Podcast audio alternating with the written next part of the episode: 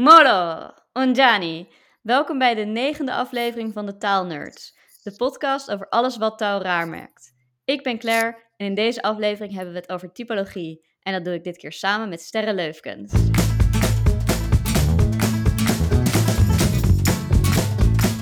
Hoi. Hoi. Ehm, ja, voordat we eh, beginnen, even met de deur in huis vallen. Dit wordt een beetje een andere aflevering dan je van ons gewend bent. Uh, dit keer moet ik het helaas doen met, zonder de zoetgevoiste stem van Walt. Hij is vanwege persoonlijke omstandigheden er dit keer niet bij.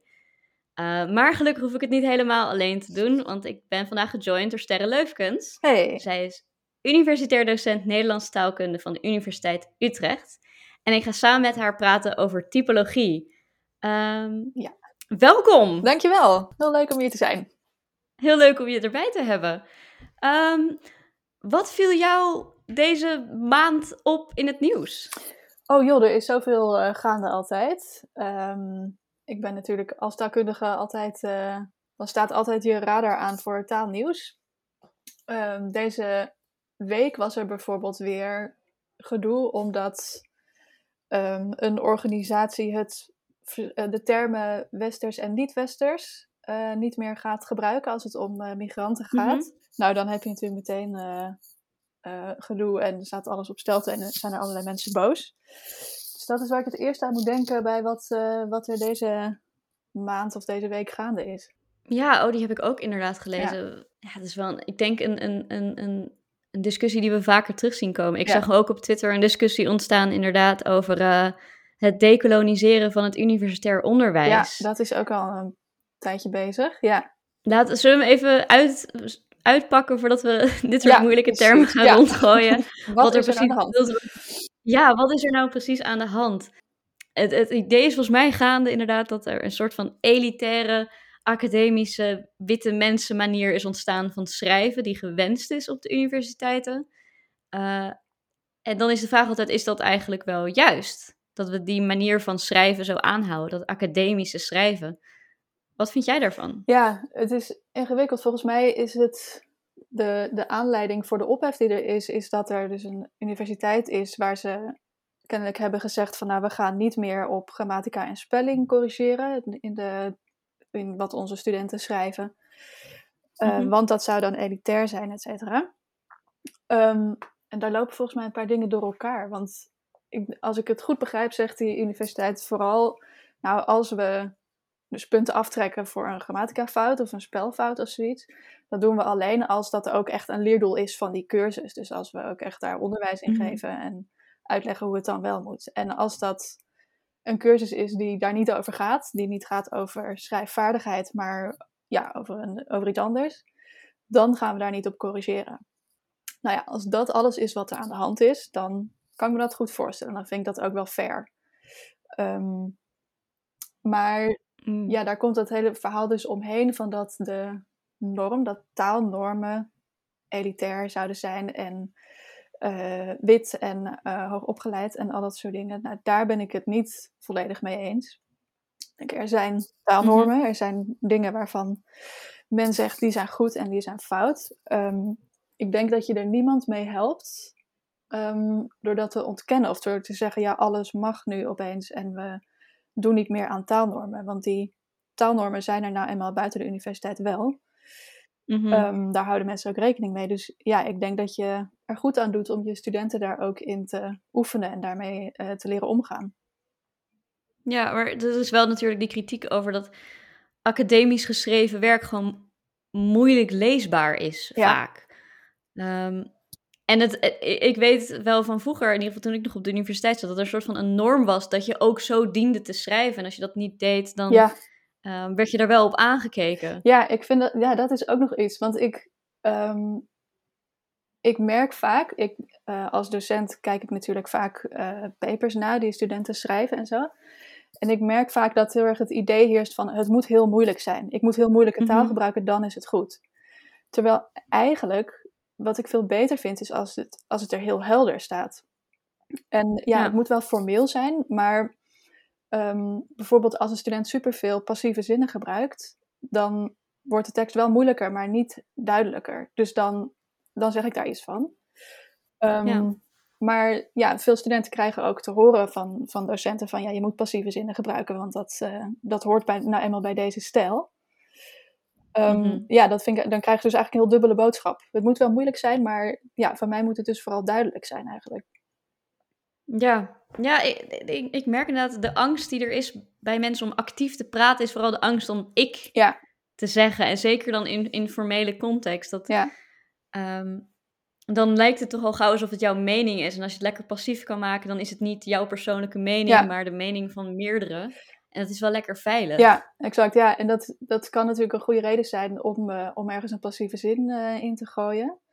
Ehm, dat is op zich dan ook weer niet verkeerd. Ehm, Mhm. Maar ik merk wel bij, bij sommige studenten, maar net zo goed bij sommige eh, wetenschappers, de professoren, ehm, eh, die ook echt heel moeilijk schrijven, waarvan ik dan af en toe denk, ja, dit schiet zijn doel voorbij. Ik snap wel dat je af en toe een Mhm. passieve zin gebruikt, maar nu ga je misschien te ver in een bepaalde stijl. En wordt het daar Ja. juist minder prettig leesbaar van, of minder duidelijk. Ja, dus bij jou is wel dat het duidelijker is, is gaat misschien boven stijl. Ja. Ja, voor mij wel. Ja, Cool. Zie je dat mensen daar wel mee struggelen zeker. om, om, om dat te doen? En wat, wat voor tips zou je, zou, zou ik je gewoon mogen vragen, heb je tips Ha. om te delen? Ehm, nou ja, dat met die passieve zinnen is één ding. Het is, je wilt inderdaad niet ik gebruiken, of in ieder geval niet te vaak ik gebruiken. Maar, eh, dus, dus dan is het prima als je een keer een passieve zin gebruikt. Maar ehm, ik ben zelf ook nog altijd geneigd om er te veel te gebruiken. Dus wat ik vaak doe, Mhm. ik schrijf eerst mijn stuk. Gewoon, ik, ik plemp er alles in wat ik wil zeggen en ik denk niet na over stijl. En dan ga ik er nog een keer doorheen. En dan kijk ik ook een keer hoeveel passieve zinnen heb ik nou gebruikt. En soms is gewoon hele alinea alle zinnen passief. Ja, daar wordt het gewoon heel traag van en niet mooi en niet duidelijk. Eh, dus dan kijk ik of ik niet een paar zinnen in actieve zinnen kan veranderen. En eigenlijk een andere tip misschien wel is, ehm, is om een beetje dat idee uit te zetten dat het heel moeilijk moet zijn. Ik heb zelf, ik schrijf eh, wetenschappelijke artikelen, maar ik schrijf ook een blog. Ehm, en daar heb ik echt eh, goed helder leren schrijven. En ik schrijf ook journalistieke dingen, dus bijvoorbeeld eh, artikelen voor, ehm, voor de Kijk, een populair wetenschappelijk tijdschrift. En voor onze taal heb ik ook veel geschreven. En zulk soort schrijven dwingt je heel erg om ja, los te laten dat het moeilijk en formeel moet zijn. En gewoon ja, zo sec mogelijk je boodschap over te brengen. En ook op een beetje een ja, engaging, een beetje een leuke manier. Dat mensen ook. Blijven lezen, ook als het onderwerp ze misschien niet direct interesseert. Ehm, en dat, ja, dat heeft mij heel erg geholpen om een andere schrijfstijl te vinden. Ehm, die eigenlijk ook heel erg van pas komt als ik dan wetenschappelijk ga schrijven. Want dan moet het wat formeler en ehm, wat moeilijker. Maar eh, dan nog eh, kun je heel helder schrijven. Ja, nou, ik, ik, ik heb ook echt pas actief leren schrijven toen ik weer van de universiteit af was. Het wordt op een gegeven moment, Ja, ben je zo gewend om op bepaalde manier of met bepaalde constructies iets te schrijven. En als je dan gevraagd wordt, nee, maar schrijf nou gewoon even wat je bedoelt. Ja. Eh, Zeg het maar gewoon snel. Dan moet je echt even wennen. Ik heb echt moeten trainen om op B1-niveau te, te schrijven. Gewoon echt begrijpelijk. Weet je, gewoon normaal mensentaalgebruik. En nu schrijf ik voor chatbots waar passief taalgebruik echt uit den boze Ja. is. die kunnen dat al helemaal Dus niet ik- natuurlijk. Ja. Nee, die, dat mag helemaal niet. En dan, dan word je er ook wel scherp op. Dan Ja. valt elke passieve zin je enorm Ja. op. ja, Dan valt je op hoe vaak mensen dat toch stiekem wel willen gebruiken. Ja, exact. Ja. Hey, voordat we te ver eh, dit onderwerp in, inzakken, nog heel kort wou ik even aandacht ook voor eh, het onderzoek van Else IJsing van het Nijmeegse Max Planck Instituut. Want zij doet onderzoek of er een genetische onderligging is voor stotteren. En ik hou heel erg van mensen die taalkundig onderzoek doen. Ik heb het zelf Mhm. twee jaar gedaan, dus ik wou haar even eh, een shout-out geven, ook omdat ze nog mensen zoekt. Dus je kan je aanmelden via geneticavansstotteren.nl. Maar jij hebt vast ook taalkundig onderzoek gedaan, toch, Sterre? Dat klopt, ja, wel in een heel andere hoek. Ik doe eh, niks met, eh, met stotteren of met eh, genetica. Ik ben typologe, dus ik vergelijk talen met elkaar. Ja. Mhm. En, en hoe, doe, hoe doe je dat? Waar begin je mee? Waar begin je mee? Ik, um, waar je, ja, je begint met een vraag. Maar eigenlijk ook typologisch onderzoek gaat erover hoe verschillen talen van elkaar en ook hoe komen ze met elkaar overeen. Mm Want als je nou, bijvoorbeeld het Nederlands vergelijkt met het Engels, dan zie je natuurlijk al bepaalde verschillen. Maar ja, als je wel eens een wat vreemdere taal van dichtbij hebt bekeken um, of gehoord, dan zie je dat er echt gigantische verschillen kunnen bestaan. Um, en als typoloog ga je dus kijken van nou, wat, waar zitten die verschillen dan in? Wat verschilt er precies? Maar dan, als je dat gaat doen, dan zie je ook dat die verschillen niet onbegrensd zijn. Er zijn ook dingen die, je, die zouden kunnen verschillen, maar die toch in alle talen hetzelfde zijn. En dat is mhm. natuurlijk uh, waar het bijzonder wordt. Want ja, hoe komt het dan? Waarom um, lijken alle natuurlijke mensentalen ook op een bepaald, uh, bepaalde manier op elkaar? Wat zegt dat over hoe uh, taal functioneert en wat taal is? En hoe wij taal gebruiken? Um, dus dat is eigenlijk de, de eeuwige vraag van de typoloog. Ik wil altijd weten, wat, wat, wat was de spark bij jou? Wat maakte jou een taalnerd die typologie is gaan doen? daarin geïnteresseerd is geraakt? Dat is een goed verhaal, um, want dat, ik herinner me dat moment heel goed en dat was al op de middelbare school. Um, Ik had altijd, ik vond de middelbare school sowieso heel leuk. Voor sommige mensen is dat een rottijd, maar ik vond het echt een fantastische tijd. Um, want ik kon heel veel van heel verschillende dingen doen. Dus je kon zowel beta-vakken, wat we de beta-vakken noemen, doen, maar je kon ook een heleboel talen tegelijk leren. Um, dus ik had een uitgebreid uh, pakket met allerlei talen erin. En ik weet nog dat we op een gegeven moment bij Frans het hadden over de imparfait. Dus een manier om aan te geven dat een gebeurtenis uh, een bepaalde tijdsduur heeft, een tijdsverloop heeft. Mhm. En op hetzelfde moment kregen we bij Latijn ook de imperfectum. En ik dacht, ja, dat is dus hetzelfde.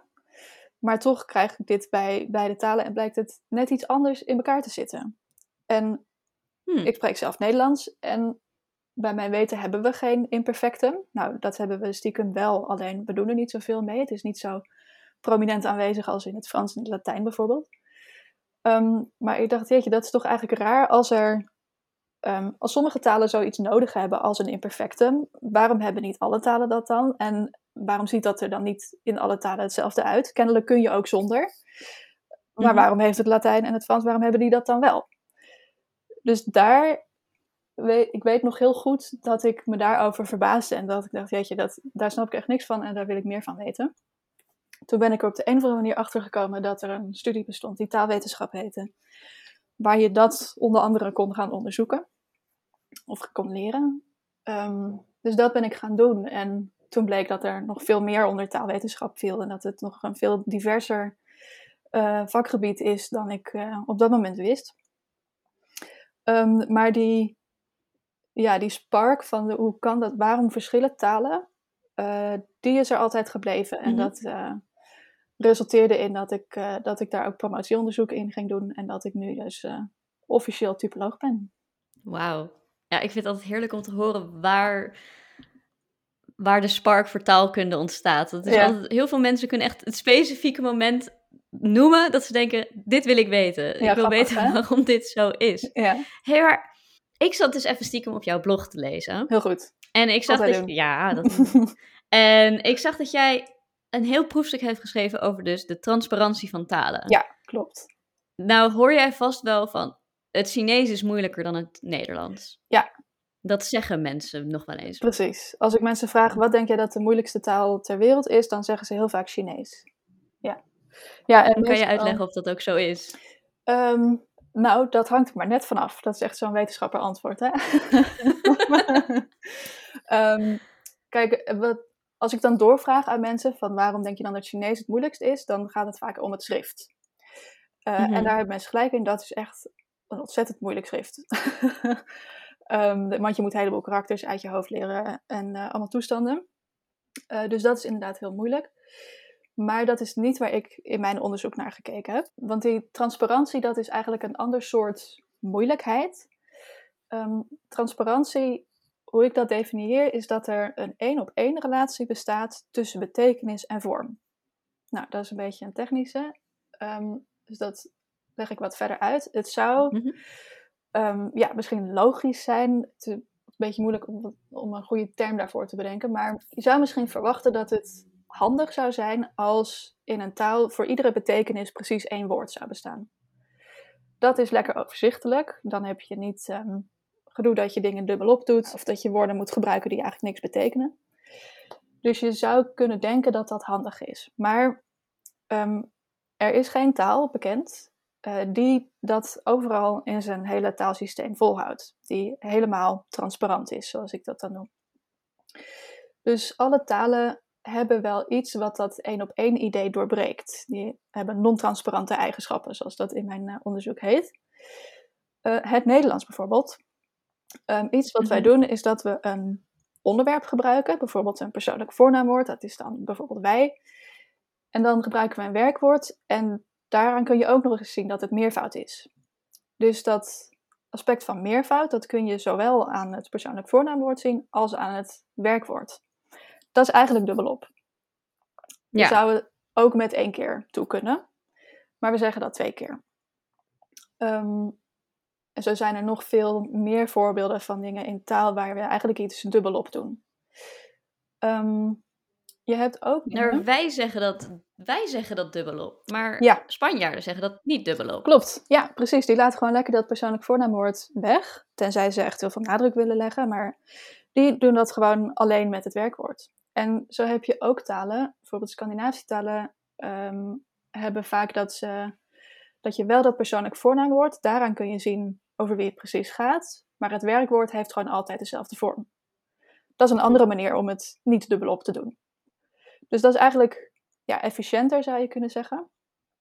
Tegelijk Mhm. kun je ook weer zeggen, ja, het is ook misschien een voordeel om het dubbelop te doen.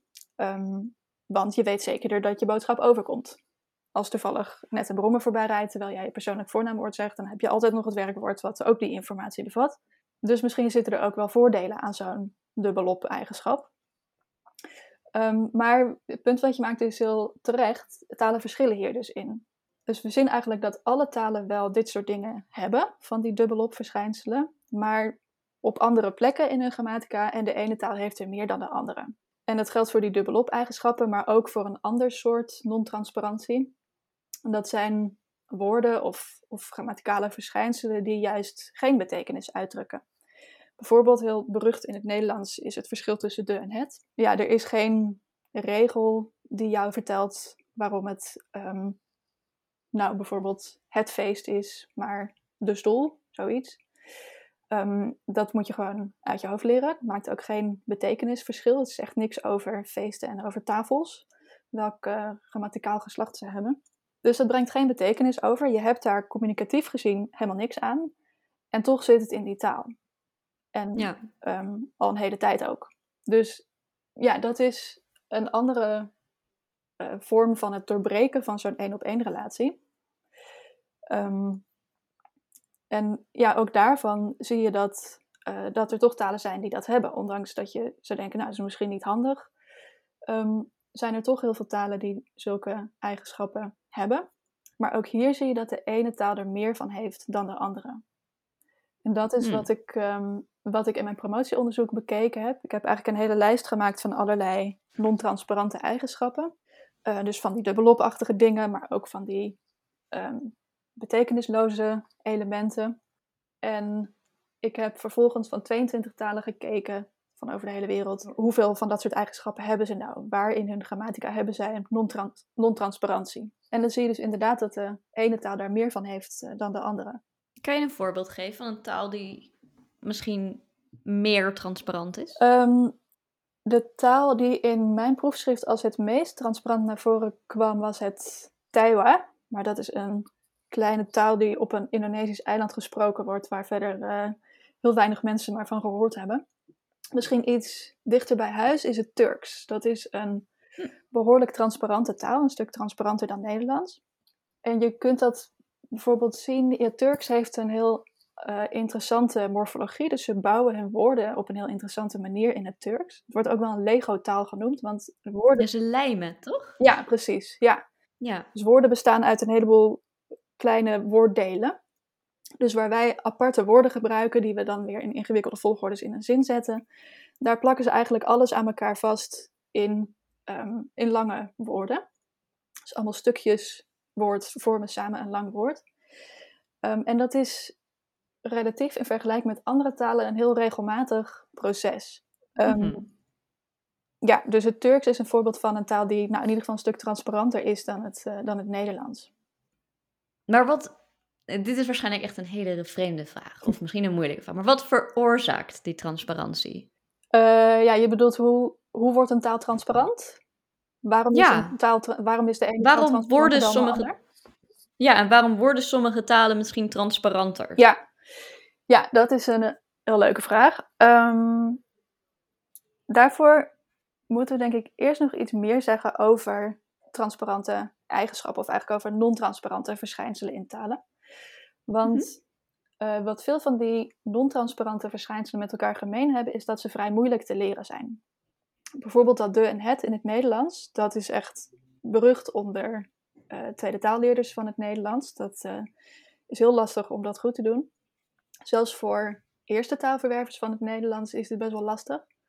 Mhm. Ehm, en dat geldt voor meer van die non-trans- non-transparante eigenschappen, dat ze best wel lastig eh, te verwerven zijn. Ehm, en dat is, nou, dat wordt niet alleen door mij, maar ook in heel veel andere literatuur gezien als een van de redenen dat ehm, zulke eigenschappen de neiging hebben om te verdwijnen wanneer veel mensen een taal als tweede taal leren. Ja. Ehm, dus zodra je ja, bijvoorbeeld door eh, politieke gebeurtenissen ehm, eh, gevallen krijgt waarin heel veel mensen opeens een taal als tweede taal gaan leren. Nou, kijk ook naar het Engels. Wordt door heel veel mensen als eh, tweede taal geleerd.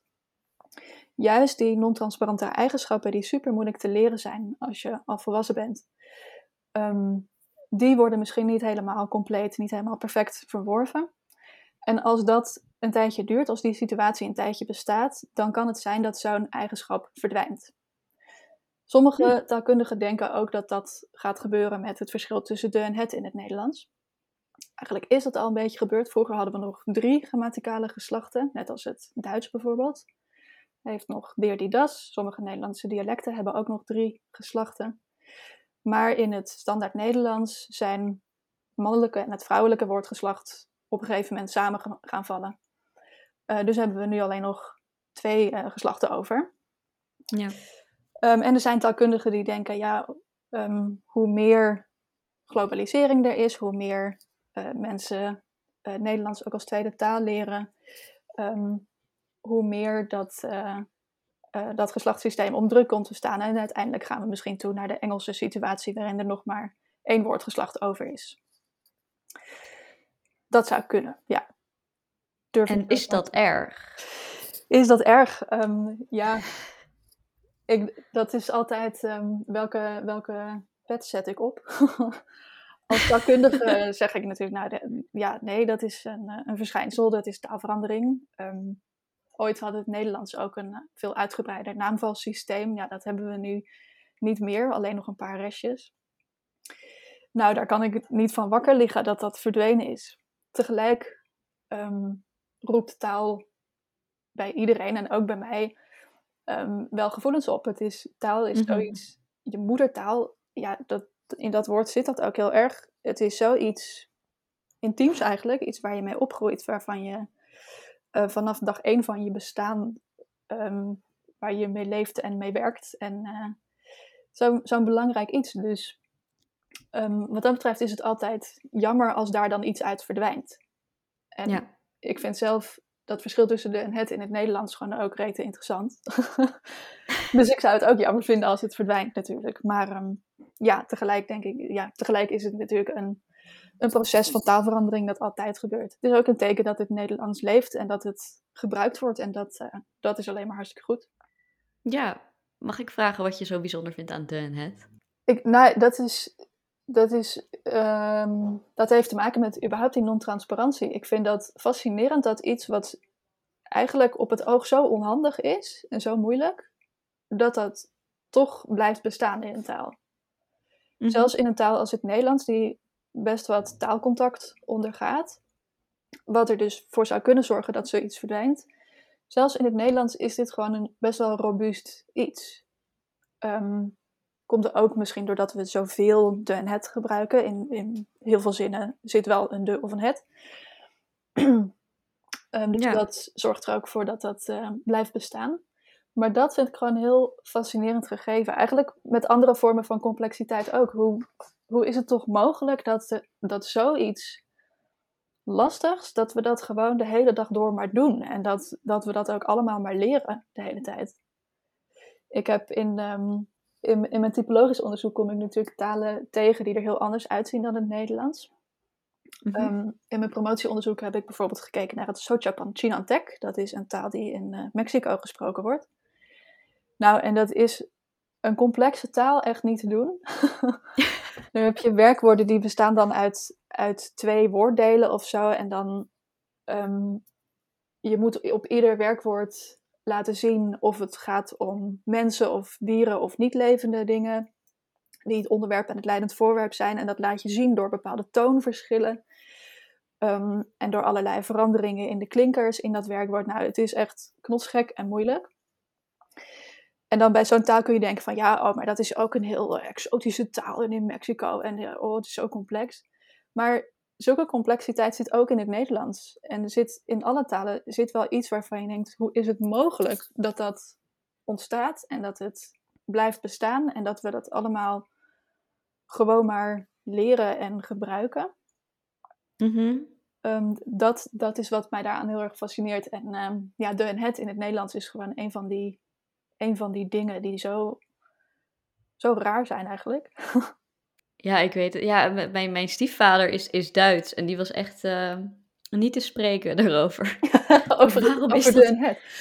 ja. nou moet hij zeggen. Hij heeft die das, alsof dat zo'n pretje is. ja, maar hij is daar... Als je daar gewoon aan... Ik, als je daar gewend aan bent en dan kom je ineens in het Nederlands, waar het dan weer ja. net anders is. Ja. Dat lijkt me, ja, ontzettend moeilijk soms, inderdaad. Ja. Maar wat ik me dus afsprak, je hebt nu echt drie talen genoemd: het Turks, het Nederlands en het. Het is zo Japan. Die ene uit Mexico. Ja, precies, ja. en die zijn dus allemaal heel anders qua structuur. Ja. Maar zijn er. Is er een logica in wat voor soort structuren en manieren van taal er kunnen ontstaan? Weet jij daar wat over? Um, hoe bedoel je dan, wat bedoel je dan precies met logica en hoe die ontstaan?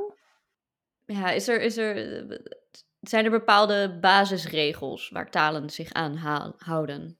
Nou, dan kom je een beetje op het terrein, denk ik, van wat we wel universele grammatica noemen. Dat is um, het idee ooit bedacht door uh, Noam Chomsky, de, de godfather van de taalwetenschap. Mm -hmm. um, die zegt van nou, er is eigenlijk een soort ja, een blueprint, een, een soort um, taalkern, grammatica-kern, die alle talen met elkaar gemeen hebben en die, um, die aangeboren is bij mensen. Dat zijn uh, de belangrijkste principes van die universele grammatica.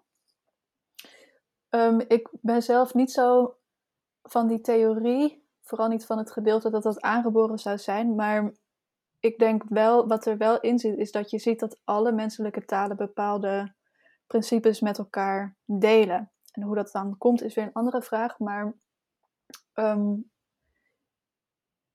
je ziet hoe groot de verschillen ook zijn. Dus inderdaad, Nederlands, Turks en Sochapan zijn echt razend verschillende talen. Maar bepaalde basisprincipes delen ze wel. Dus bijvoorbeeld dat je um, woorden organiseert in, um, in eenheden die niet al te lang kunnen zijn. Dat zie je bijvoorbeeld ook in gebarentalen. Uh, ook weer Ja. een heel ander soort taal. Uh, aan de oppervlakte gekeken is natuurlijk is Nederlands gebarentaal natuurlijk een totaal andere taal dan Nederlands. Toch zie je dat er bepaalde ehm, ja, basiseenheden zijn. In het Nederlands zijn dat dan klanken. In de gebarentaal zijn dat bijvoorbeeld eh, ehm, zijn dat bepaalde handvormen. Ehm, en een bepaalde mimiek die daarbij hoort. En eh, nou, die, die basis bouwblokken, zeg maar, die combineer je tot grotere gehelen, tot woorden. En die woorden combineer je tot zinnen. En zo werken uiteindelijk die superverschillende talen toch op eenzelfde soort manier. En dat is, ja.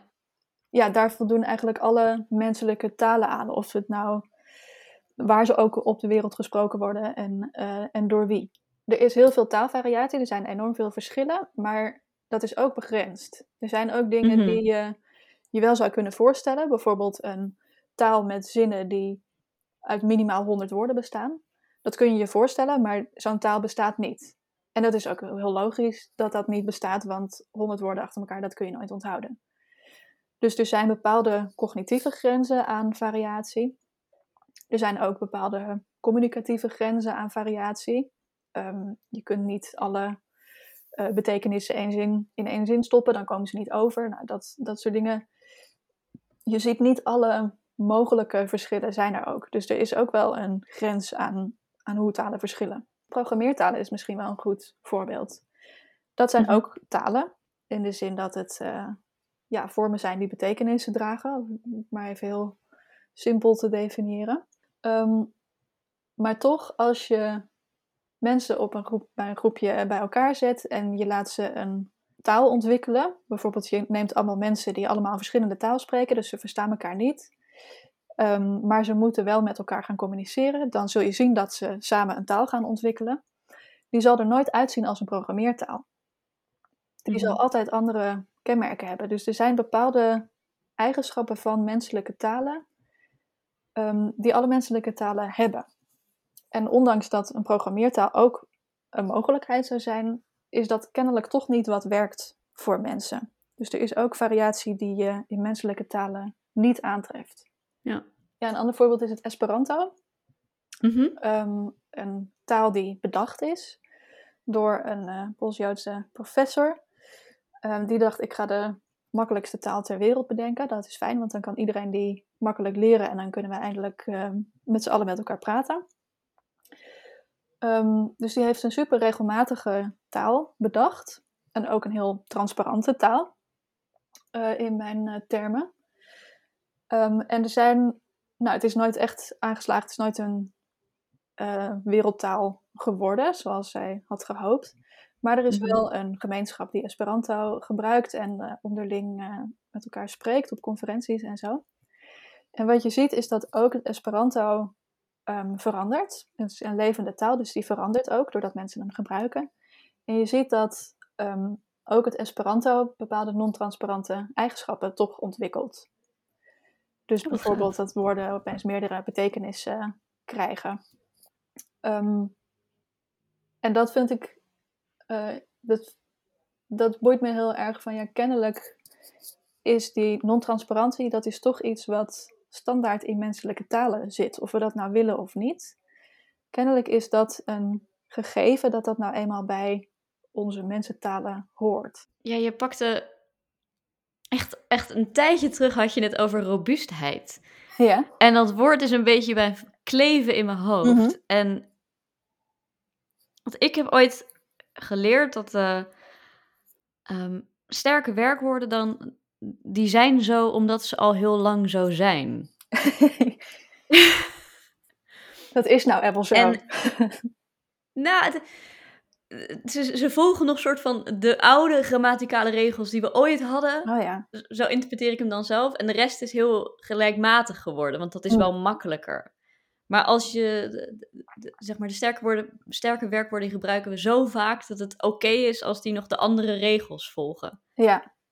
Omdat we die toch wel tegen elkaar blijven zeggen. Zeg ik nu iets heel raar? Nee hoor, dit, is, dit klopt helemaal. Dit is, ehm, je kunt dit ook uitleggen in termen van, van die leerbaarheid weer. Dus Mhm. een onregelmatig werkwoord, een, een sterk werkwoord, ehm, dat is eigenlijk iets wat lastig te leren is voor ons. Je moet ook, nou, als wij Engels leren, dan krijgen we ook die rijtjes eh, met eh sing, sang, sung en weet ik wat. Ja. Die moet je apart leren. Je kunt de regel voor hoe je in verleden tijd maakt. Nou, daar kun je snel een heleboel werkwoorden meteen mee vervoegen.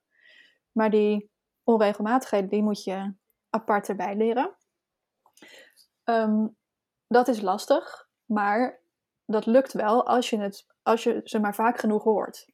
Dus als jij in Ja. je taalaanbod heel vaak een eh, bepaalde onregelmatige vervoeging hoort, dan onthoud je hem uiteindelijk wel. En dan geef je hem ook weer door aan jouw kinderen of, uh, of andere taalleerders. Uh, dus dan blijft zoiets bestaan.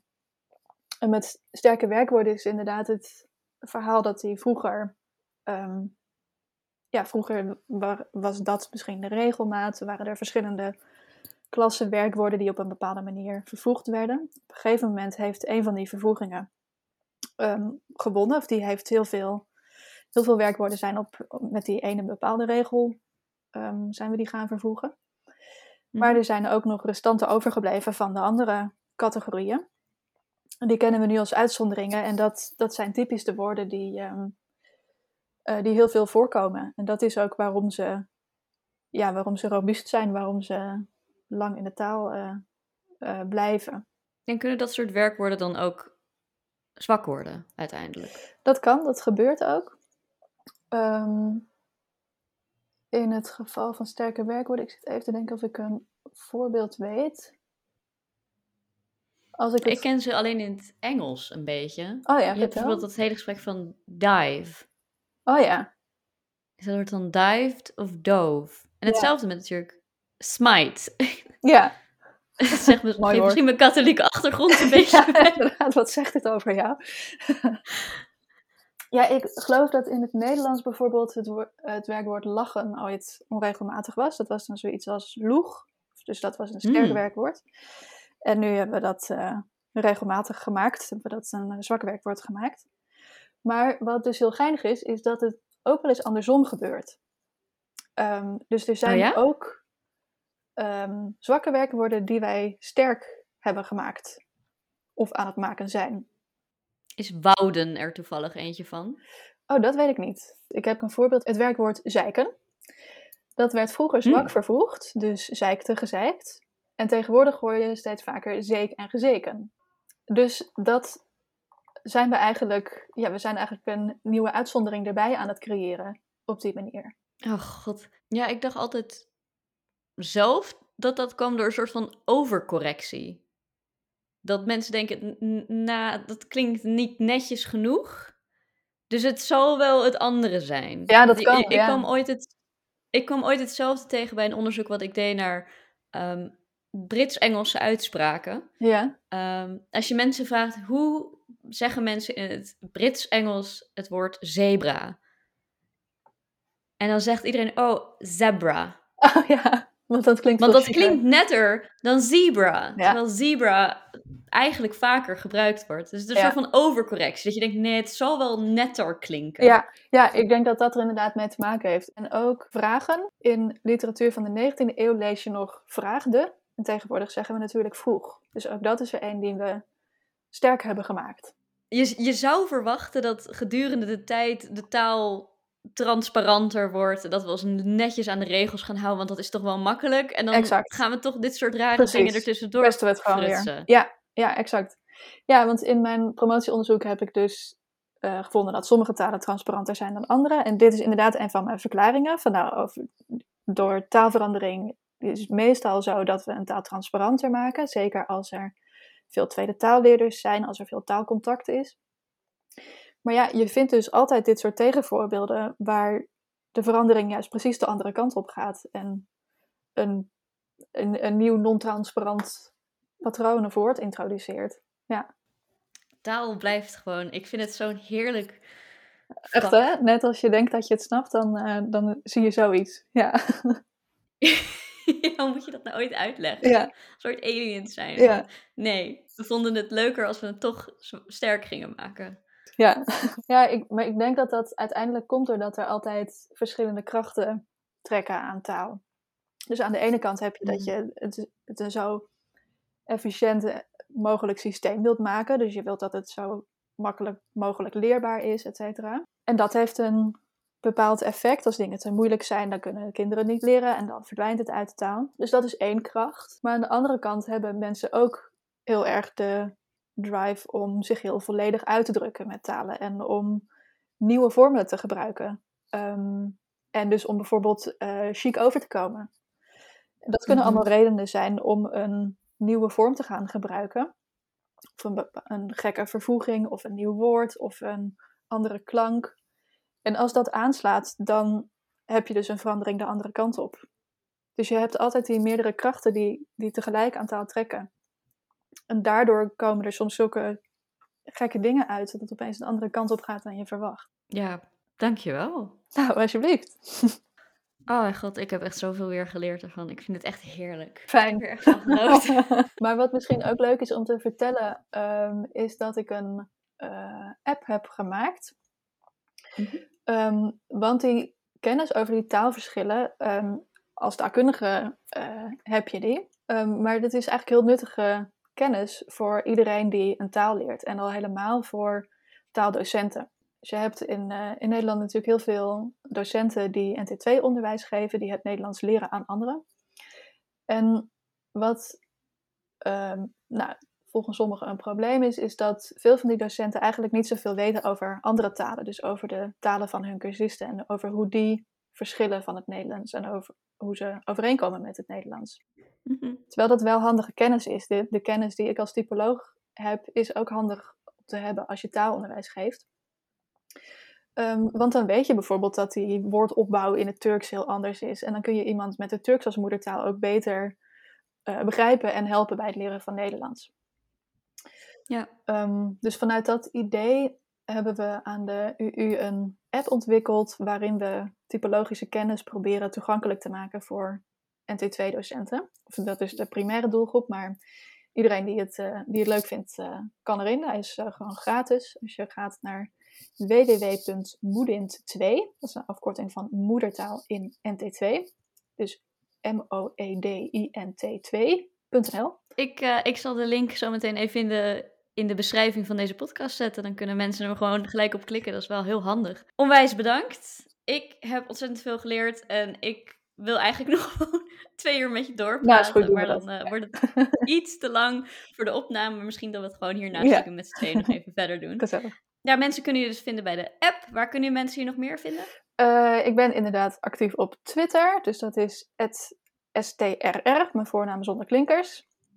Ehm, ja, daar kunnen mensen me denk ik het best vinden. Cool.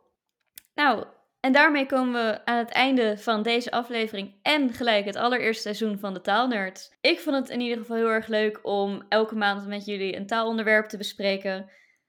Eh, maar ik ben stiekem ook gewoon heel erg benieuwd naar jullie mening. Dus welke onderwerp moeten we nog een keertje oppakken? Welk taalfeitje mogen we niet vergeten? Schrijf een mail, tag ons op Twitter of stuur een DM op Instagram. Voor nu nemen ik en Sterre afscheid. En eh, wensen we jullie allebei een fijne zomer. En we nemen afscheid in het, jij mag het zeggen, In het Hossa, heel mooi. En dat is Kakule. Kakule. Vind je ons nou cool? Dan kun je ons steunen. Dat doe je via petje af slash taalnerds. Je kunt dan een kleine donatie doen en zo zorg je ervoor dat we ook weer een volgende aflevering kunnen maken. Daarnaast kun je ons natuurlijk gewoon ook altijd vinden op Twitter en Instagram. En heb je een taalvraag of suggestie, hit us up via taalnerds@gmail.com.